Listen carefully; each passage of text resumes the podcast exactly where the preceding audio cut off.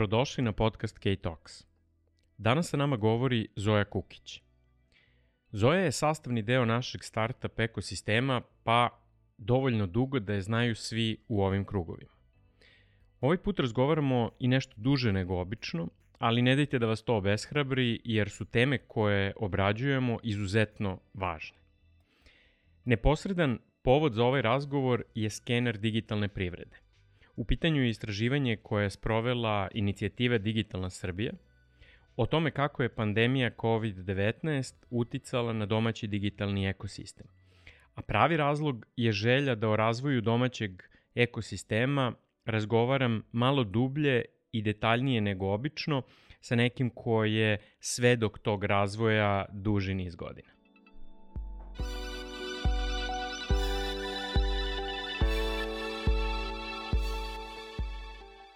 Draga Zoja, hvala što si pristala da govoriš za K-Talks. Hvala Rastko na pozivu, baš mi je zadovoljstvo. Zoja, ja bih volao da pričamo o našem ekosistemu. Našem startup ili digitalnom ekosistemu, da budem precizan. I hteo bih da za one koji možda prvi put slušaju o ekosistemu, pa i za one koji su sasvim usvojili ovaj pojam, da razjasnimo o čemu tačno govorimo. Dakle, pitanje glasi, šta su karakteristike tog ekosistema i ono na što bih eh, ja baš voleo da se fokusiramo, šta stavlja eko u ekosistem? Pa u suštini da, obično ljudi, mi, mi koji smo onako duboko u njemu smo skroz navikli na tu reč ekosistem, iako ona nije prirodna, uglavnom i česta za nešto kada pričamo o, o udruženju kompanija ili e, načinu na koje, ili okruženju u kojem one funkcionišu, ali zapravo je osnovna ideja nastala i usvojena još iz Amerike, da se to zove ekosistem, jer da bi jedna kompanija uspela na dobar način, mora da postoji mnogo različitih faktora koji joj to omogućavaju, slično kao neki prirodni ekosistem, od obrazovanja koje pomaže i osnivačima da da izgrade kod sebe preduzetnički duh, razviju određene konekcije, do uh,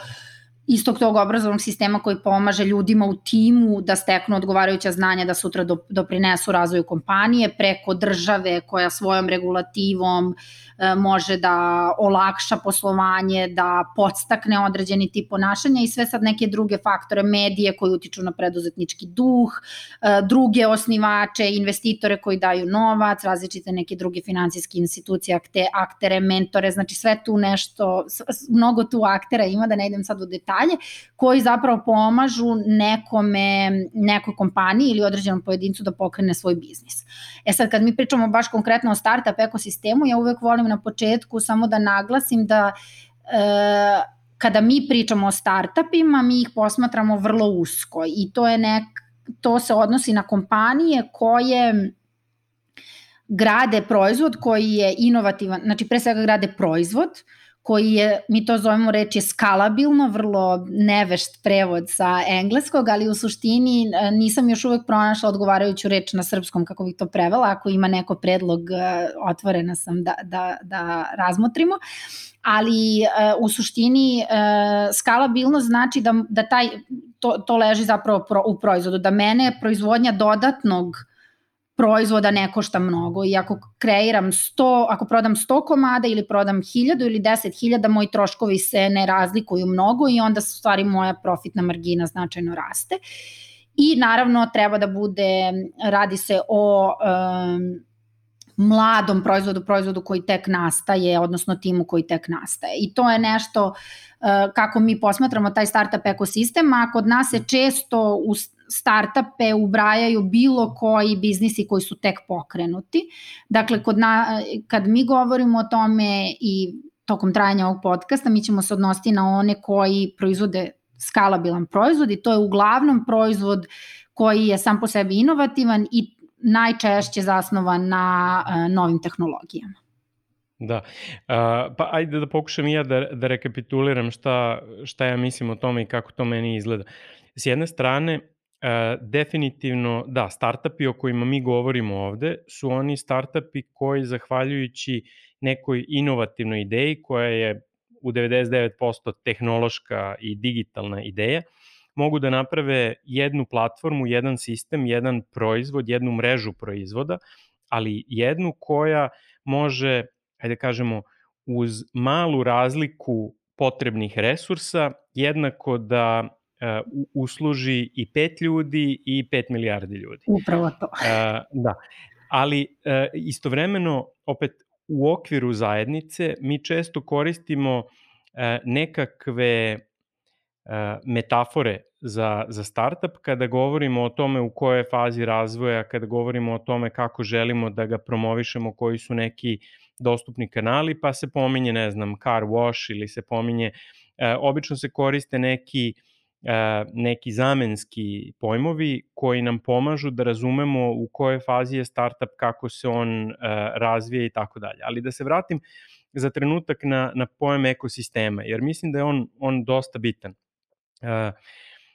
Pojam ekosistema tačno podrazumeva veliki broj uh, društvenih institucija koji su neophodni, ajde da kažemo, kao zemlja da bi da bi te ideje imale nekakvu mogućnost da, da dobro nastanu. Dakle, nije čudno što je Silicijumska dolina sjajan ekosistem, zato što ima i sjajno obrazovanje i vrlo liberalan sistem i preve, preveliki broj ljudi sa super idejama koji se skoncentrišu tamo. Uh, i, I jednako tako postoje zemlje koje su vrlo neplodno ovaj, tle za, za razvoj ekosistema. I sad u svim tim gradacijama od Silikonske doline da ne kažem do Afganistana, mi, mi zauzimamo, odnosno ovaj prostor Beograd, Novi Sad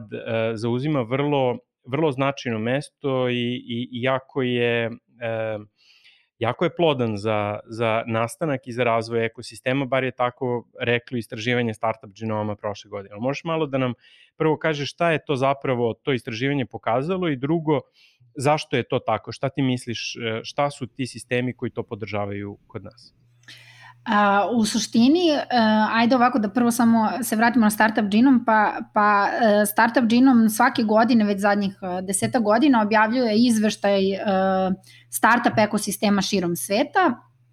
I tu je isto možda zanimljivo da kažemo da oni kada pričaju o startup ekosistemu posmatraju gradove ili bliske komšijske gradove, e, zato što smatraju da je ta razlika upravo ono što, e, ta, ta blizina doprinosi razvoju ekosistema i zato, na primjer, nije jedan ekosistem cela Amerika, nego je Silicijumska dolina, pa Boston ima svoj startup ekosistem, Atlanta svoj, New York svoj i tako dalje. E, kada pričamo o, i tako su se na, na toj globalnoj mapi startup ekosistema po prvi put našli Beograd i Novi Sad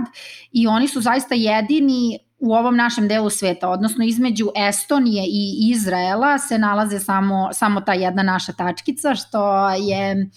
mene baš obradovalo zato što sam navikla da u tim gomilama nekih istraživanja, pogotovo koji su tech ili digital fokusirani, naš ovaj region i često naša zemlja je samo rupa gde piše nema e, podataka.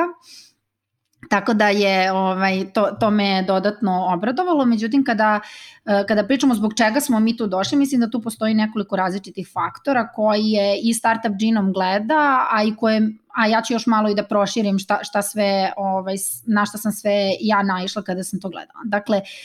um, kada pričamo o razvoju startup ekosistema, on je i dalje u Srbiji, i dalje u toj početnoj fazi. Međutim, šta je Startup Genome uočio u svojim merenjima rekao da raste značajno brže od drugih ekosistema koji su i dalje na, na, na tom početnom nivou. Znači nismo mi još uvek gde možemo da se poredimo sa Londonom ili Berlinom, ali sa tim ekosistemima koji su u ranim fazama e, smo među najbrže rastućim i to je ono gde nas je Startup Genome e, izdvojio. Jedna stvar koju, koja mislim isto da, šta se dešava da je naš startup ekosistem neočekivano dobar u odnosu na ukupan razvoj privrede. Dakle, on, ako gledamo druga mala i srednja preduzeća, ako gledamo uopšte e,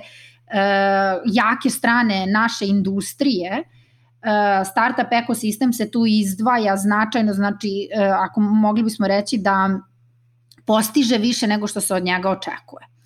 I dodatno još ako u to ubacimo i da ne postoji jak e, i, i dovoljno razvijen institucionalni program podrške za startup ekosisteme koje recimo i kako gledamo i zemlje u našem okruženju imaju mnogo više od Hrvatske koja je sad dobila novi investicioni fond, Bugarske koja ima e, programe gde, gde država odnosno ili Evropska unija podstiču ulaganje u startupe u desetinama miliona evra, Poljska koja isto je značajno fokusirana na to. Dakle, mi to skoro uopšte da i nemamo i po, u, u odnosu na to koliko se ekosistem sam razvio od sebe, e, pokazuje da je zapravo plodno tlo i kada bi se e, sistemski podržao da bi zapravo odavde moglo da proizađe e, nešto neočekivano. Dodatno isto recimo meni je bilo zanimljivo na svake četiri godine postoji nešto što se zove VC Attractiveness Index, to je indeks koji sugeriše parametri, analiza različitih parametara koje usmerava investitore, VC investitore, gde da gledaju za svoje nove investicije i tu gledaju iz ugla zemlje. I Srbija se po prvi put nalazi na segmentu koji kaže investitorima da gledaju ka tom tržištu I, i, I to je otprilike uh,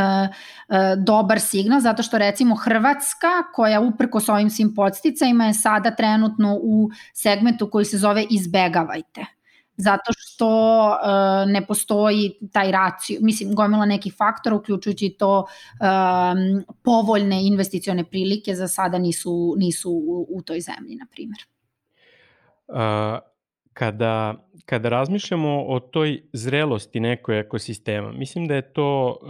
da je to jako važna stvar. Uh, Zašto? Zato što na prvu loptu kada bi neko video Srbiju i video da je svrstana u red takvih e, ekosistema kao što su ili Berlin ili Estonija, London i tako dalje, to deluje nekako kao da nije u skladu sa, e, sa stvarnošću, deluje malo, malo. Tako da mislim da je super što si pojasnila da je zapravo jedan od razloga što, je, što, je, što smo mi tu, taj što imamo brz rast e, tog ekosistema. Tako je, a e, pored tog rasta, mislim da je, kao i za svaki ekosistem, tu prosto potrebno da postoji jedna, ajde kažemo, cirkulacija. Dakle, potrebno je da postoji, e, kada kažemo obrazovni sistem, obrazovni sistem e, mora da bude na neki kvalitetan način povezan sa privrednim sistemom. Privredni sistem mora da bude povezan na kvalitetan način sa pravnim sistemom svi oni moraju zajedno da skoče neki nivo da bi, da bi to moglo da funkcioniše, e, kao što da bi, dakle, dovedete super profesore na, na fakultet, oni bi morali da naprave super studente, ti super studenti naprave super ideje, super ideje sutra a, pronađu nove ljude i, i tako dalje. Dakle, u toj nekoj, u toj nekoj fazi mi smo verovatno bliže fazi nastajanja, i ali sa nekim, nekim značajnim sistemom rasta. Šta je ono što, što je po tebi zapravo možda najviše do sada uticalo na taj brz rast i taj nastanak, a šta nas možda malo sputava uh, na tom putu? u suštini, uh, ja sam nekako toliko ovaj, ispucaću brzo odgovor. Šta nas možda najviše sputava je nedostatak novca koji postoji za razvoj e, ideja i tih biznisa i onda možemo o tome detaljnije da pričamo jer nije, na, kraju svaka priča o novcu zapravo nije samo priča o novcu. I, a ono što, šta nam je omogućilo da porastemo nadprosečno i to je istraživanje Startup Genoma pokazalo između ostalog, je nešto što se zove globalna povezanost. A to je da naši osnivači startupa odmah gledaju uh, na svet kao tržište, to jest na neka razvijena tržišta, pa sad ili, ili Amerika ili Evropa ili e, ceo svet odjednom, ali uglavnom odmah planiraju da izađu iz zemlje i, i istraživanje inicijative Digitalna Srbija je isto pokazalo da samo 11% startapa kreće uopšte iz Srbije. Tako da ovaj, znači da je 89% njih e, maltene odmah internacionalno. I to su recimo naša glav, naš to bi bilo e, naš glavni nedostatak i naša glavna, glavna prednost. Ovaj glavni pred, glavna prednost možemo od nje da počnemo, jer ja uvek više volim da pričam o lepim stvarima. Mislim da svakako ima veze i sa činjenicom da je Srbija um, ima veze i koren možda vuče delom i iz jednog našeg nedostatka kao zemlje, a to je taj veliki odliv mozgova. I ono šta se, na primer, vidi da dobar deo osnivača startapa su ljudi koji su živeli u inostranstvu, pa su odlučili da pokrenu startup i onda su se vratili u Srbiju i odlučili da ovde to urade. Recimo, najpopularniji primer toga je Fishing uh, je Nordeus, tu je recimo isto i Fishing Book, jer uh, osnivač Fishing Bookera ima sličnu priču, pa Hunch, tako da ima dosta domaćih ekipa koje baš uh, su na taj način uh, narasle. S druge strane, uh, je i sama činjenica dobre konekcije sa dijasporom. Dakle, uh, činjenica da znate neke svoje drugare koji su otišli preko ili da ste naleteli na nekog investitora u investicionom fondu koji ima srpsko poreklo pa će vam pomoći malo više nego što bi možda nekom drugom pomogao, je omogućilo našim startupima da, da lakše verovatno otvore ta, ta, ta vrata na svetskim tržištima. E sad, da. Mhm. Aha, kaži. E, a sad s druge strane možemo da pričamo i o tim, uh, tim investicijama i uh, to, tom našem nedostatku, a to je recimo da u Srbiji trenutno startupi dobijaju devet puta manje investicija nego drugi u sličnim fazama razvoja. Dakle, ne pričamo, ako se poredimo sa San Franciskom, onda naš startup dobije 20 puta manje para. Ali sa ekosistemima koji su slični našem, znači na, slični razvoju u Beograda i Novog Sada, znači to je 9 puta manje. I čak ako uzmemo i kažemo, ok, ovde kod nas je jeftinije razviti biznis, manje su plate, manje plaćamo uh, rentu uh, uh, prostora i slično, čak i u tom kontekstu su, su, plat, su, jesu investicije više nego duplo manje čak i ako sve to ovaj, pokušamo da, da ukalkulišemo. Tako da s te strane Uh, to je veliki problem zato što čak uh, polovina domaćih startupa nikada ni ne dobije investicije. Deo, dru, od ove druge polovine većina dobije grantove, dakle neka bespovratna sredstva koja, uh, a tek manji procenat, recimo 20 njih zapravo dobije investiciju i, i sad to je izazov zato što vama da biste razvili globalni proizvod treba novac, pre svega ćete grešiti, pa vam treba novac da ispravite greške, da kupite vreme, da popravite te greške. I s druge strane treba vam novac za marketing. To je možda i najveći e, trošak. Ljudi često misle da je to sam razvoj proizvoda, ali zapravo je prodaja tog proizvoda ono što najviše košta i to vas isto košta, bilo da ste u Americi ili u Srbiji. I kada naši startupi ne dobiju investiciju, to znači da nemaju načina da dođu do, do svog tržišta. Da, pokušat ću tu malo samo da, da te vratim na jednu, jednu temu. Uh, ovako. Uh, kada, mislim da je ekosistem jako dobar, dobra alegorija, ne znam da li više metafora ili, ili alegorija za, za sve ovo što pričamo, zato što uh, negde možda grešim, ali ja stičem utisak iz uh, poznavanja naših startapa da u njihovom uspehu i zapravo uspehu tog e, dobrog rasta e, kod njih u ovakvim uslovima zapravo jedan od razloga možda leži i u uslovima. Možda, možda je mhm. taj e, nedostatak investicija zapravo doveo do toga da se, da, da se oni malo više saberu, da se u ozbilj, ajde da u nedostatku bolje reči, da se malo da malo više budu, ajde kažemo, fit e, na, na, e,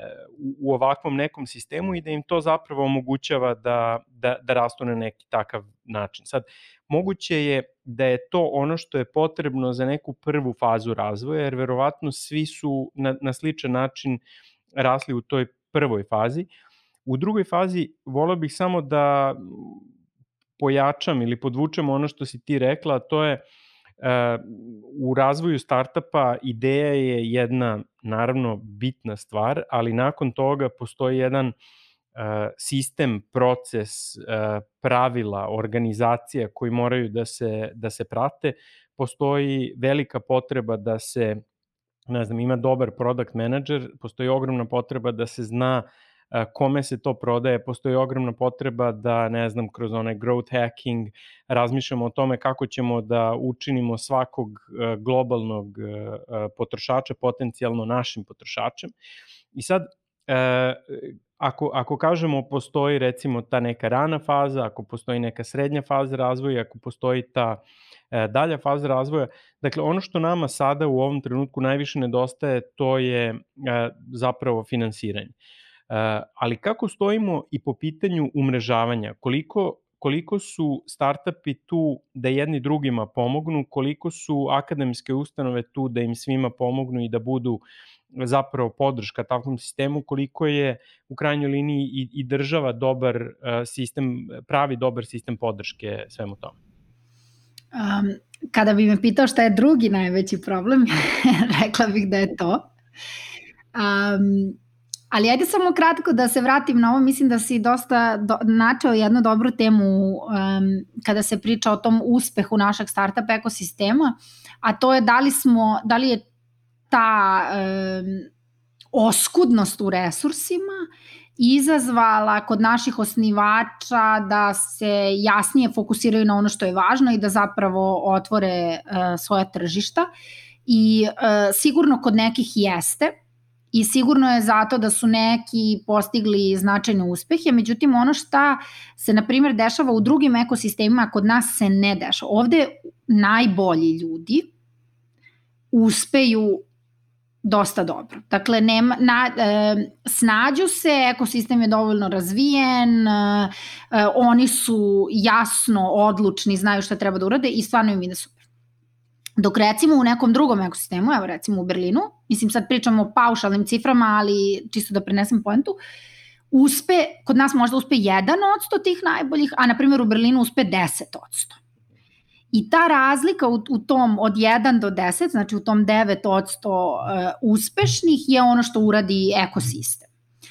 I tu mislim da mi imamo mnogo, mnogo posla i da je sada, i, i sad naravno gde je ovaj, e, napraviti dobru, e, dobar balans toga da ne ušuškamo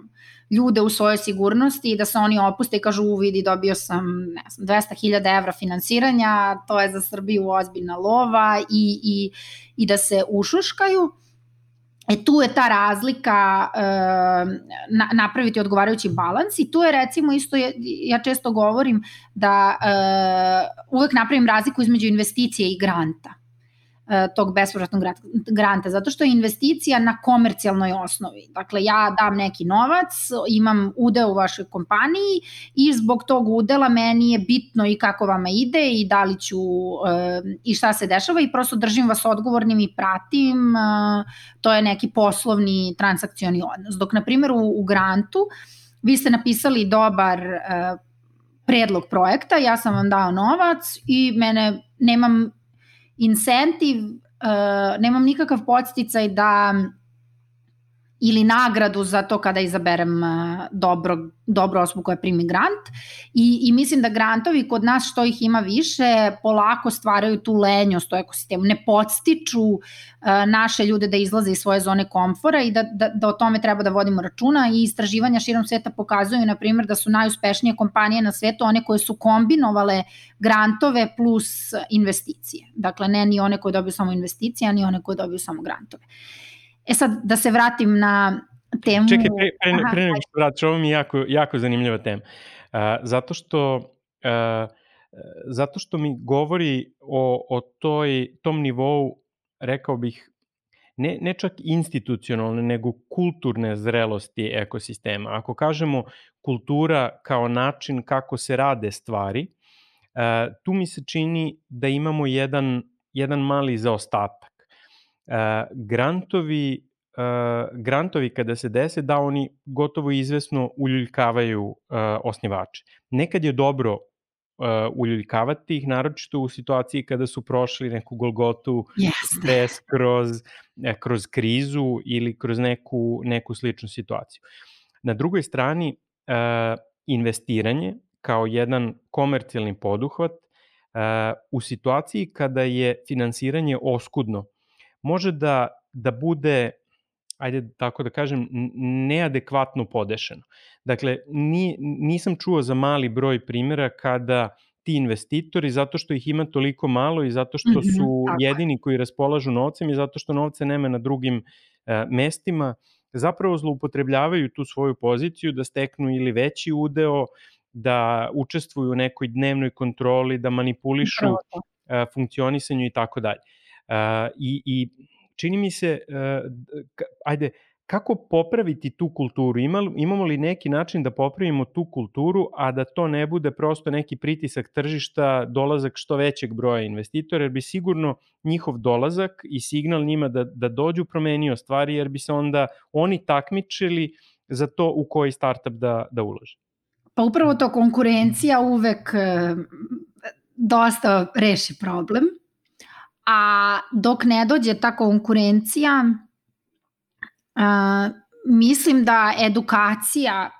ekosistema i koordinacija različitih ljudi u ekosistemu i njihovo to što mi kažemo zastupanje i zajedničkih interesa i, i jedinstvenog fronta može da e, podstiče fair ponašanja investitora. Jer, jer s jedne strane, recimo, pre desetak godina ili čak možda i pet uh, godina, dešavalo se da određeni startup, uh, zato što nije znao bolje, uh,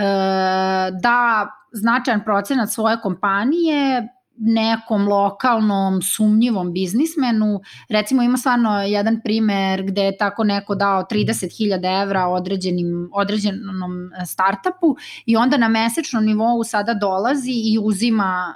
svoj udeo u profitu i recimo on je za tih 30.000 e, evra dobio 50% kompanije. Zato što tada ti osnivači nisu znali da to tako ne mora i da taj novac možda postoji negde drugde ili s druge strane im je taj novac toliko bio potreban da ni nisu mogli da ga nađu ni na koji drugi način osim da pristanu na te uslove. Međutim, možda je dobro ovaj, za, za slušalce koji nisu toliko duboko u ekosistemu da kažemo zašto je to problem. Zato što taj sada investitor recimo koji uh, izuzev novca nije ni na koji drugi način podržao razvoj startupa, sada ima mogućnost odlučivanja a možda uopšte nema e, ekspertizu u toj oblasti. S druge strane, ulazak drugih investitora, recimo vama sada treba nova runda kapitala za, da biste otvorili novo tržište ili lancirali neki proizvod za koji postoji prilika i treba vam e, novac, to se prosto tako funkcioniše kad, kad uđete u sistem investiranja i sad vam recimo treba pola miliona, investitor koji ulazi i daje pola miliona, šta, nje, šta se dešava? On uzima još dodatni deo kompanije i udeo osnivača u tom biznisu se značajno smanjuje. I kada osnivač na kraju, i sad recimo ako se to ponovi još jednom ili dva, ono, još u par rundi, osnivač zapravo već u drugoj ili trećoj rundi počinje da u ovom slučaju osnivač već u drugoj rundi nema ni 50% svog biznisa, ako je tim od dva i njihov podsticaj da to razvijaju i da to doživljavaju kao svoj biznis postaje manji. Oni zapravo postaju više zaposleni, a ne ljudi koji vode svoj biznis. I u investitorskoj logici glavna stvar je imati pod, osnivača koji dalje ima uh, taj drive da, i interes da, da biznis uspe i što ga pre lišite utiska da je to njegov biznis, vi pre um, uh,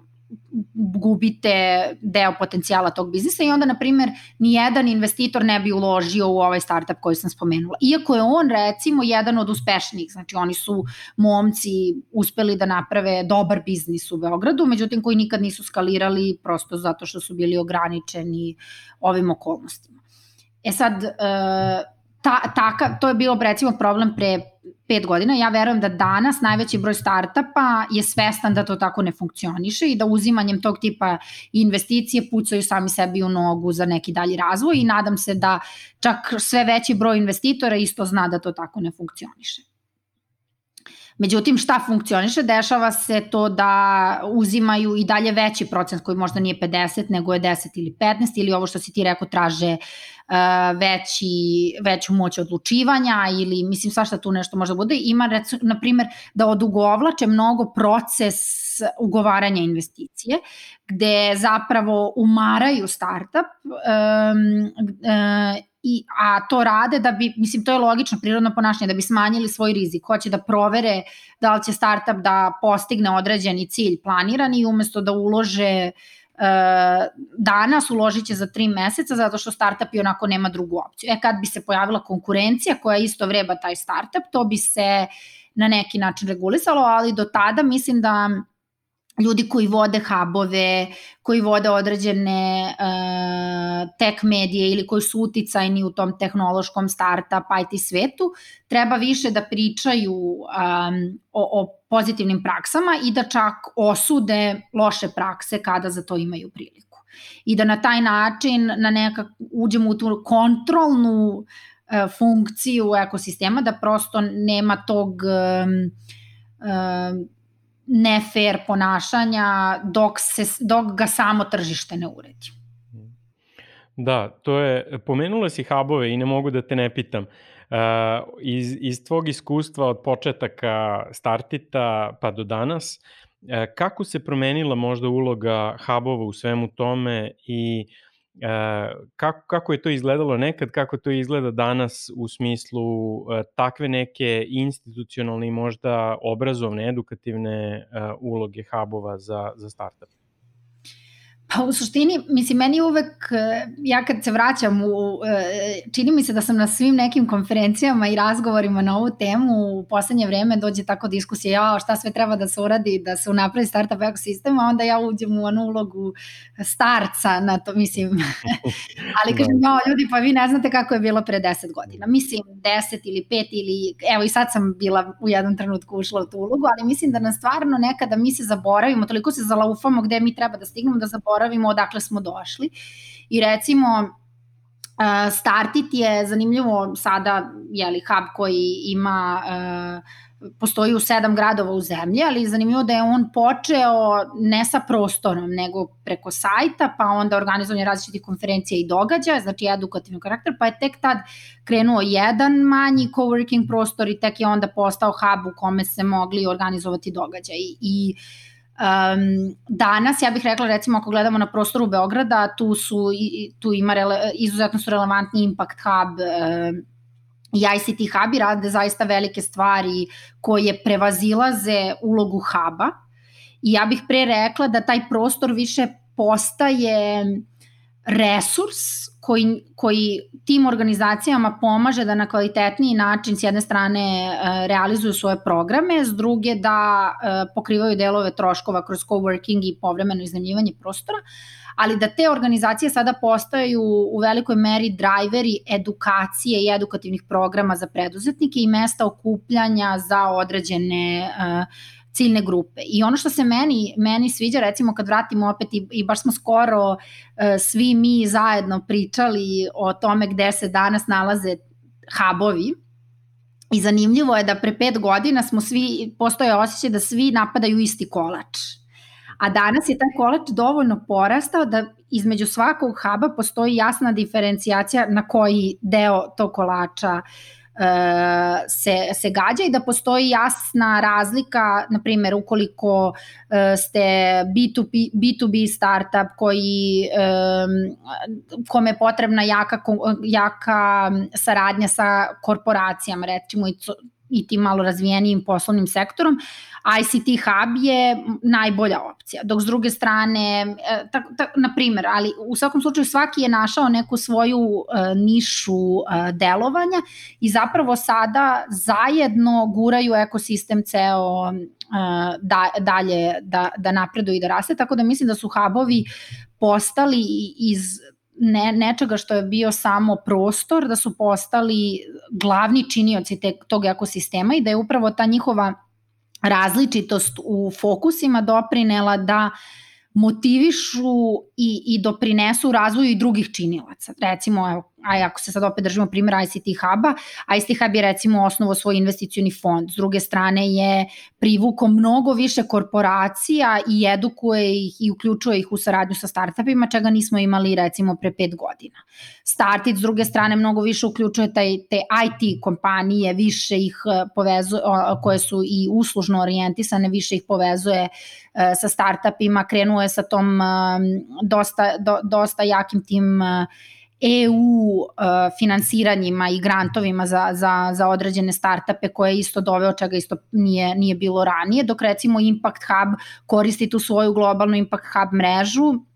da razvije i različite programe i da, da internacionalizuje recimo mentorsku mrežu. Tako da zaista zavisi šta vam u datom trenutku treba i šta kom startupu treba, da mislim da, da, da su da, da hubovi sada postaju glavni generatori te aktivnosti u startup ekosistemu. Da, ja, ja, sam, ja se potpuno slažem s tim. Ja mislim da je a, pored naravno nekoliko organizacija koje, koje se izuzetno fokusiraju na to da, da pomenemo digitalnu Srbiju, Tako ali je. mislim da su, mislim da su hubovi zapravo centar negde i, i znanja i razmene informacija i da utiču kao jedan dodatni faktor iskustva. Dakle, čini mi se u odnosu na to gde god da smo u obrazovnom smislu, gde god da smo u smislu raspoloživosti finansiranja i gde god da smo u nekom eh, u nekoj sposobnosti jakog umrežavanja eh, i pružanja podrške kroz umrežavanje, kroz mentorship i tako dalje, da su, da, da su zapravo hubovi uh, možda na, na dva, tri nivoa iznad toga gde je ekosistem i da ga zapravo guraju, da zna, značajno, značajno utiču na, na sve to. Uh, I mislim da je super je to što si pomenula to da su komplementarni jedni drugima, dakle da zapravo nema, nema uh, takmičenja za istu pitu, već zajedno svi šire tu... Uh, tu Prvo tu to, ali recimo evo sad ako se vratimo na temu investitora šta je zanimljivo i slažem se s tobom da su, sta, da su startupi na nivou, da su hubovi na nekoliko nivoa iznad toga gde je ceo ekosistem, ali mislim da je konkurencija, ta koja je postojala ranije, doprinela tome. I, i u tom smislu je baš dobar primer kako uh, konkurencija s jedne strane učini da, da vas boli glava, a da onda zapravo um, izvuče iz vas uh, nešto mnogo, mnogo bolje. Tako da mislim da konkurencija, generalno je, očigledno je to isto ovaj, uh, moj stav na mnogo nekih pitanja, ali u ovom, kad pričamo o investicijama, je dobar, dobra potvrda onoga o čemu smo već razgovarali. Da, da, potpuno se slažem i mislim da je, da je to i odlična platforma da se neki možda nedostaci koji postoje u ekosistemu ajde da kažemo, da se reše, da se regulišu. S druge strane, neke prednosti koje mogu da se pojave ako zamislimo da sutra uh, investiranje, in, odnosno investicije budu dostupnije nego što jesu i fondovi budu više prisutne nego što su bili do sad, sigurno će ja, ja sutra da se javi neki fond, znam gde bi ga prvo poslao. Na, idi, idi tamo, pričaj sa ljudima, vidi, vidi šta postoji. Ali evo šta je recimo isto meni zanimljivo kad pričamo o tom naprednosti uh, hubova s jedne strane, uh, hubovi su možda glavni zagovarači i uh, kreatori razmene znanja unutar ekosistema. To je mesto gde ćete vi sresti uh, druge osnivače, uh,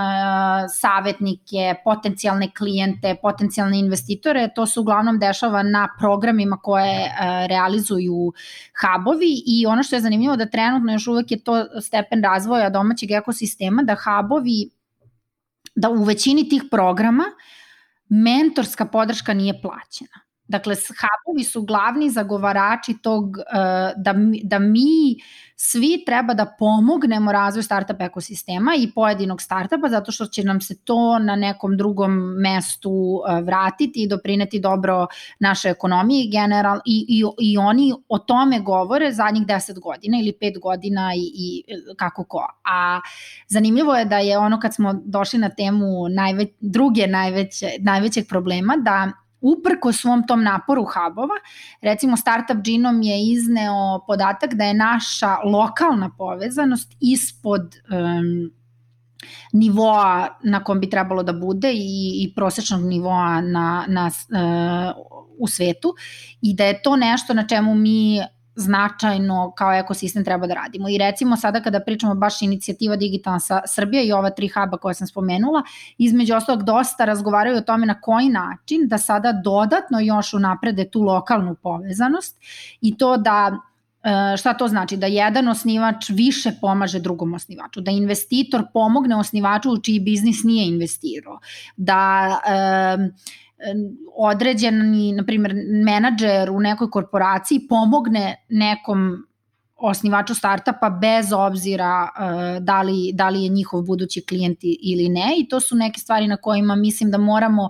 da radimo promenu mindseta koja sada već prevazilazi startup ekosistem. Jer uh, to je, teško je, jedna stvar je to sa osnivačima, mislim da tu čak možda ima i najviše uh,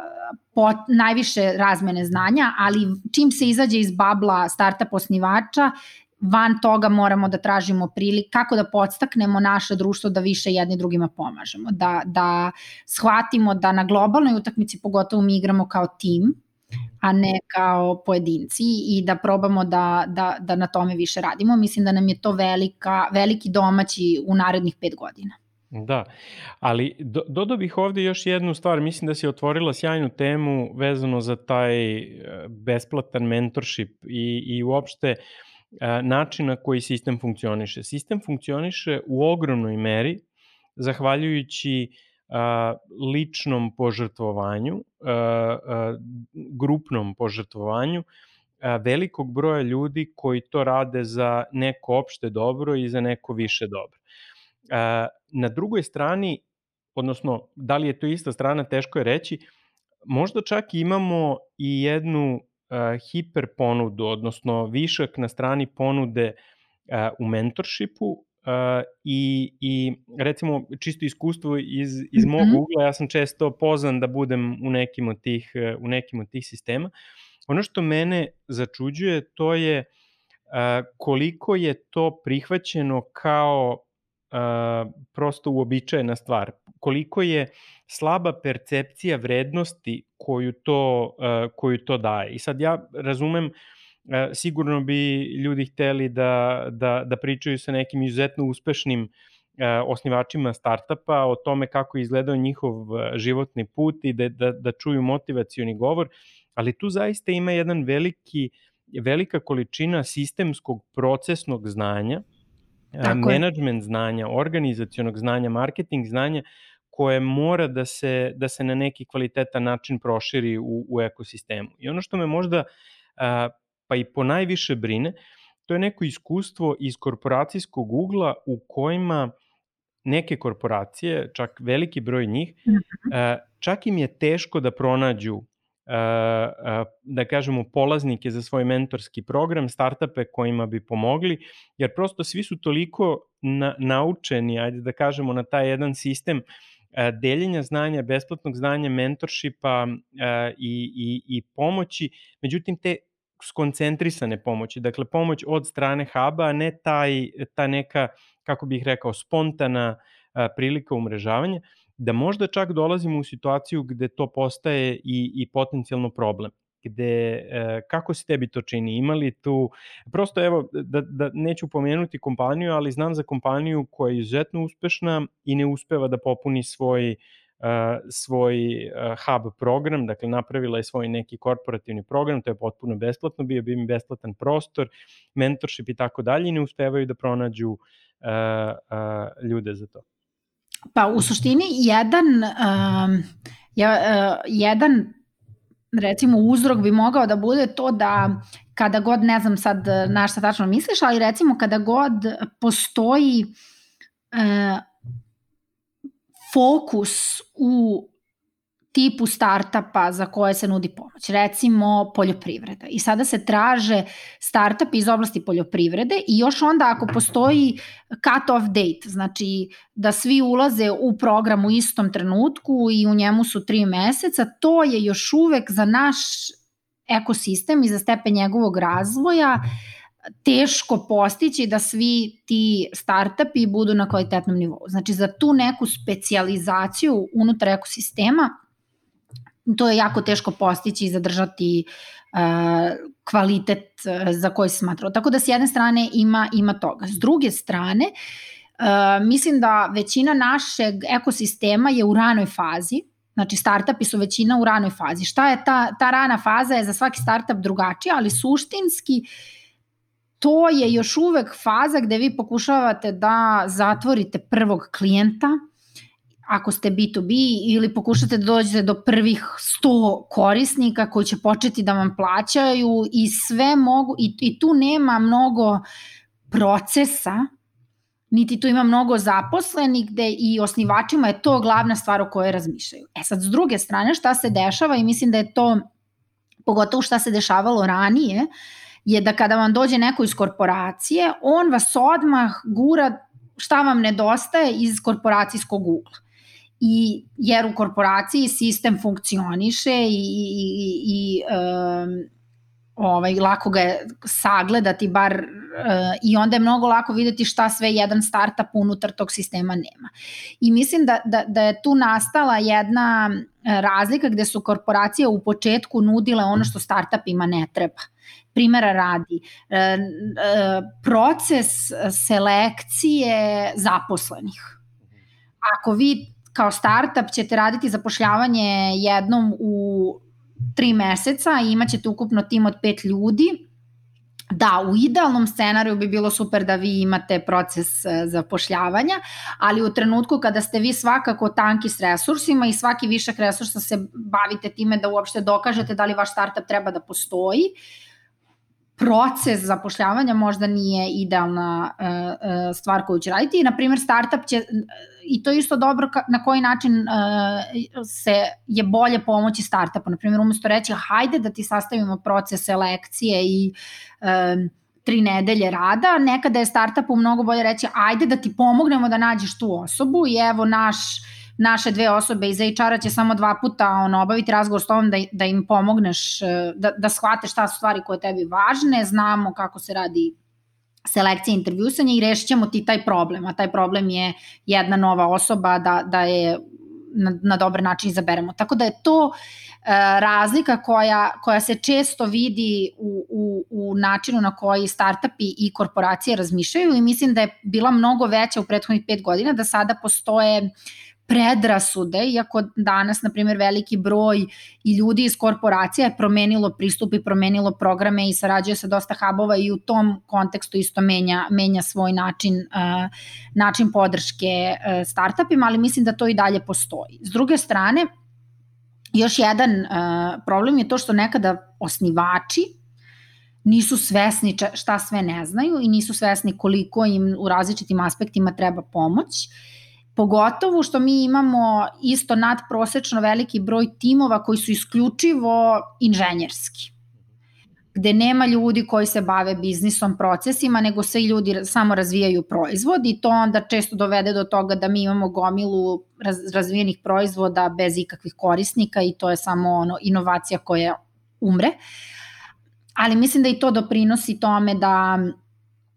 ali to je sad već deo nekog većeg problema koji prevazilazi startup ekosistema, to je da inženjeri često ne cene e, ne inženjerska znanja, odnosno Ekonomika cene i znanja, da, da, da. Ma to ja mogu da, da lako sam naučim, a nažalost nije baš tako lako. Ovaj, i, I tu postoji taj, taj problem što, a to je opet, ja stalno vratim na kao problem društva u celini, što mi kao društvo ne gajimo tu multidisciplinarnost i um, saradnju ljudi iz različitih oblasti. Vi, kod nas su fakulteti potpuno odvojeni, jedni od drugih, um, počevši od toga, ne znam, ako, recimo isto meni je super primer kada se sada priča kako uvesti preduzetništvo u škole, pa onda sada su predlozi da preduzetništvo treba da bude poseban predmet. Pa mislim, to je još jedan način kako sada nešto samo zatvoriti u poseban silos. Znači, te veštine koje su vam potrebne za preduzetništvo treba da se nađu u različitim predmetima, jer vi možete da budete preduzetnik uh, i biolog, kao i možete da se bavite razvojem proizvoda iz oblasti medicine koji se zasniva na tehnologiji. Mislim, svašta, svašta tu nešto ima i čini, nam, čini mi se da te multidisciplinarnosti uh, kod nas izostaje i da je to jedan, da, i da ljudi koji su različiti i dalje ne umeju baš da se međusobno razumeju. I to je recimo isto problem korporacije i startupi. I sad sam raširila ovaj ne, ne, tvoje... Super je što si raširila, interesantno, pošto će uh, sledeće gošća da govori o problemima obrazovanja i razlikama ne. između našeg obrazovnog sistema i, i uh, globalnih trendova. Uh, ali dobro, da, da stavimo tačku na, na obrazovanje i možda na, na ekosistem i da uh, pokušamo, evo, rekli smo kako je to izgledalo pre 50 godina, rekli smo kako je izgledalo sada, zapravo sada sa fusnotom, zapravo kako je sve ovo izgledalo do recimo kraja februara. I onda se desila čitava ova situacija. I sad, jedan od možda glavnih povoda, iako uh, mislim da je ova priča o ekosistemu sistemski važna, ali jedan od glavnih povoda za naš razgovor je to uh, kako, su, uh, kako je taj ekosistem podneo i kako i danas podnosi uh, čitavu ovu situaciju, dakle, uh, koja ima nekoliko svojih nivoa, od toga da možda ne mogu da se sastaju, vide oči u oči, zajedno razvijaju neki proizvod, preko toga da im je e, mogućnost prodaje sužena u od toga čime se bave, e, do toga da im je dostupnost finansiranja praktično uskraćena mnogima, mnogima od njih. Sad, na tom celom spektru e, gotovo izvesno ne postoji jedan isti skup posledica za sve njih, različito je od jednog do drugog, ali kako to izgleda iz sistemskog ugla? Dakle, kako je sistem podneo taj, taj prvi udar? A, pa u suštini a, znamo kako je sistem e, podneo to i osnovna, e, osnovni podaci dolaze iz istraživanja koje je sprovela inicijativa Digitalna Srbija u saradnji sa PVC-om, čija sam ja bila jedna od koautorki i zapravo uzeli smo da gledamo kako je udar um, i posledice COVID-a bile na uh, domaću digitalnu privredu u celini. Uh, jedan od razloga zašto smo to istraživanje objavili vrlo brzo nakon proglašenja um, vanrednog stanja je između ostalog bio zato što se u, počelo je u medijima da se priča da je jedino IT industrija super. Uh, A e, iako smo imali anegdotalne podatke da pokažu da, da nam pokažu da ni IT industrija nije super, mislili smo da bi bilo važno zapravo izneti e, činjenično stanje, jer IT industrija danas e, integrativni deo cele ekonomije, povezana sa celom ekonomijom i kada celoj ekonomiji nije dobro, naravno da ni IT industriji nije dobro. I to što IT industrija se možda više navikla na Zoom pozive i lakše prilagodila na rad e, na daljinu, posao je u najvećoj meri većini IT kompanija bilo uh, u Srbiji, bilo u inostranstvu značajno opao. E sad kada pričamo, meni je ovaj, uvek zanimljivo da, da krenemo iz tog um, um,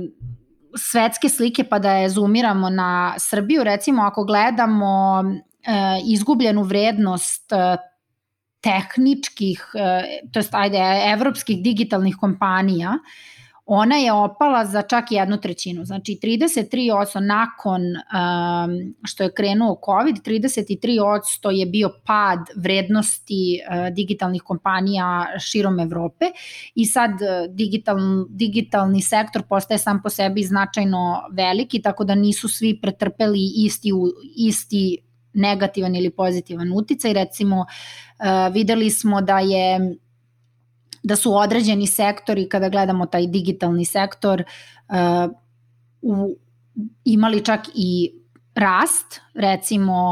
biotehnologija, uh, različiti alati za rad na daljinu, držanje nastave na daljinu,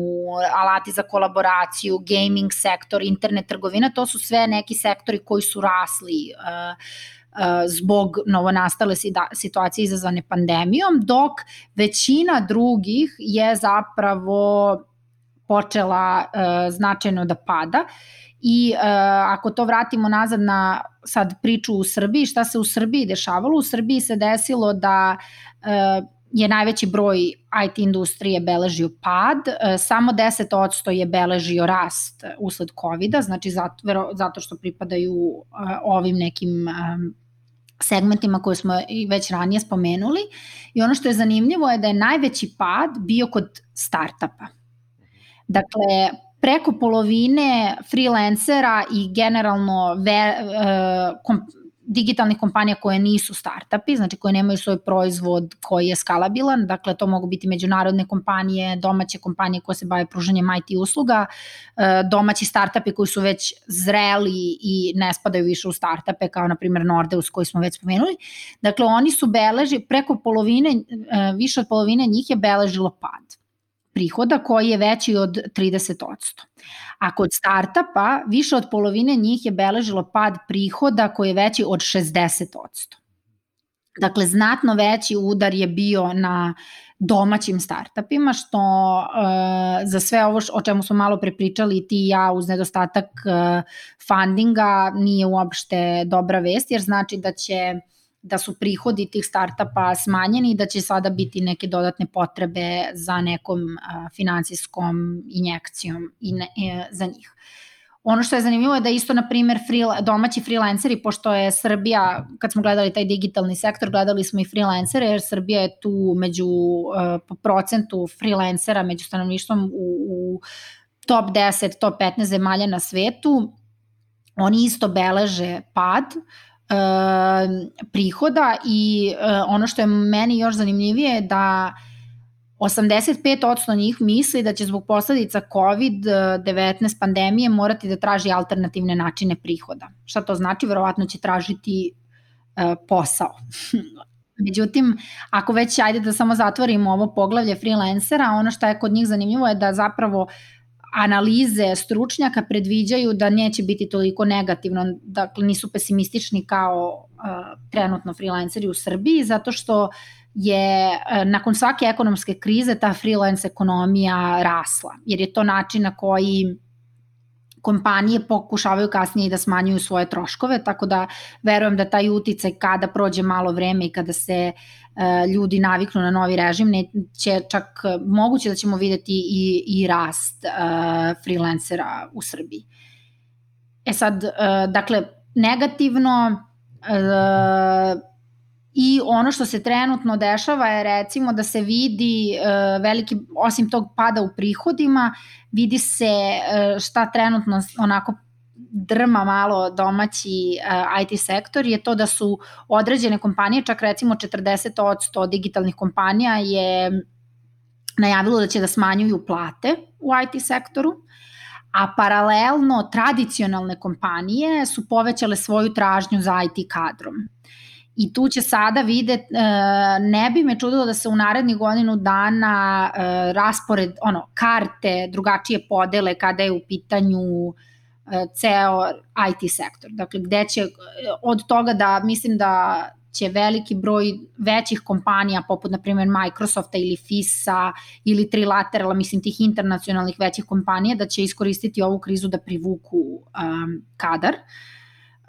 dok će s druge strane verovatno i tradicionalne kompanije, pogotovo one koje su na neki način imale manji pad od prosečnih isto iskoristiti da, da privuku dodatni kadar i mislim da će najveće posledice, i to je već naše istraživanje pokazalo, uslužne kompanije su za sada pretrpele veće uh, posledice, to je veći pad prihoda nego one koje imaju svoje proizvode. Tako da je, a to je za sada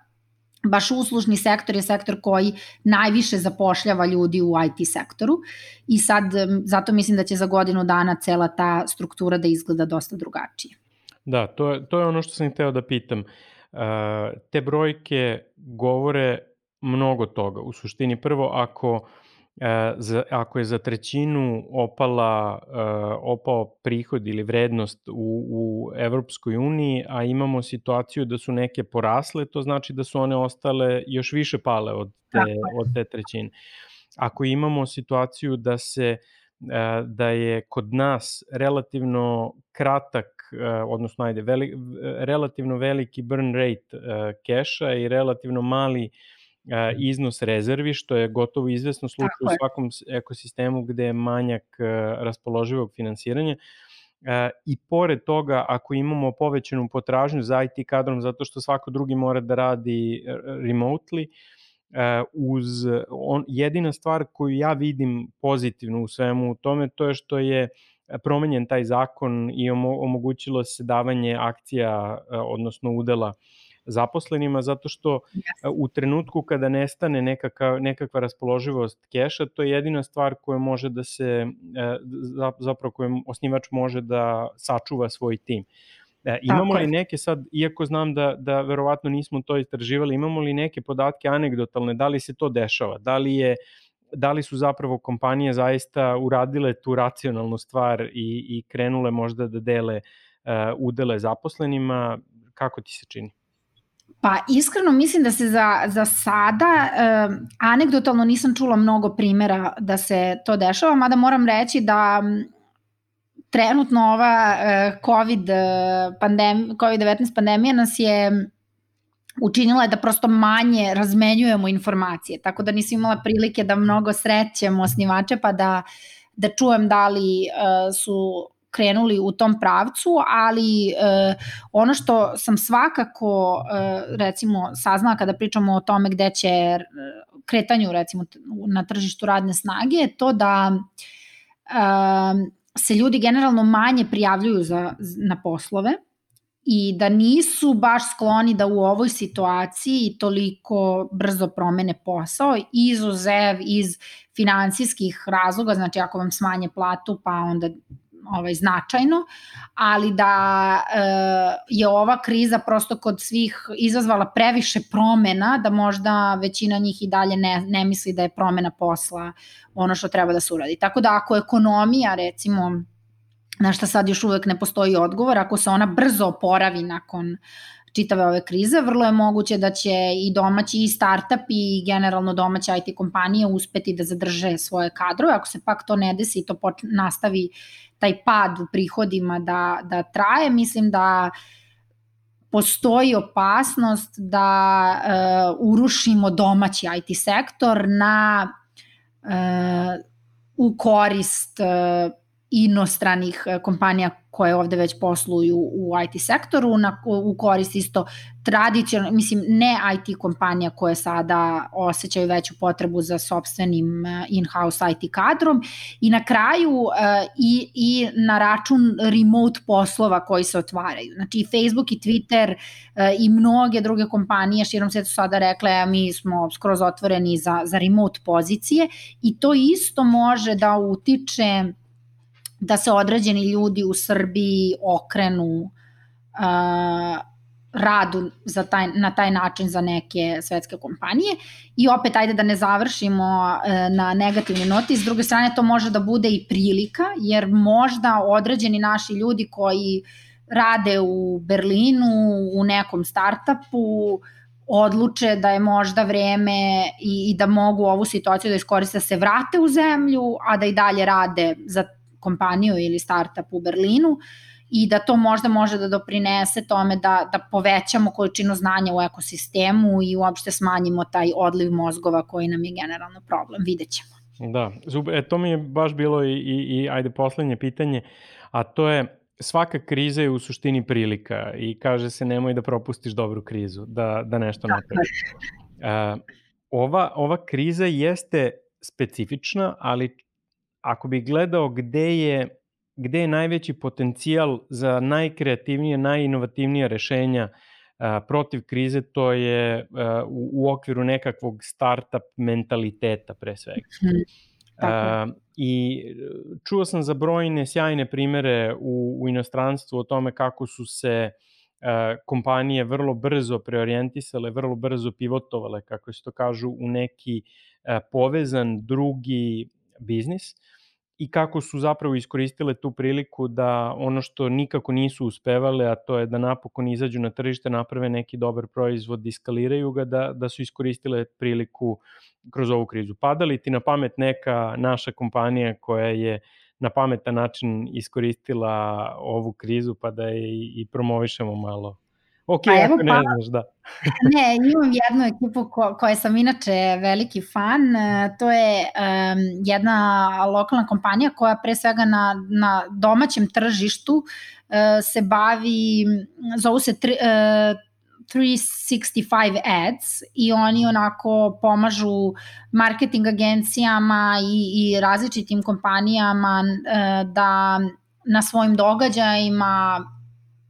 obogate događaje različitim resursima. Recimo, oni su kreatori onih kabina, fotokabina koje se pojavljaju Aha, na venčanju. To smo, to smo koristili, da, da, da. e, znači, mislim da je svako nešto to koristio, ali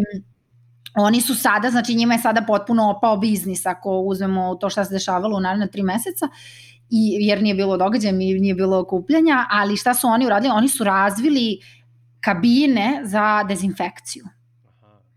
jedno su od 20, i to njihovo rešenje je jedno od 20 izabranih rešenja koje je čak finansirano sada i od inovacijonog fonda kao odgovor domaćih kompanija za COVID. I neverovatno je, u stvari oni su iskoristili deo infrastrukture koju već imaju,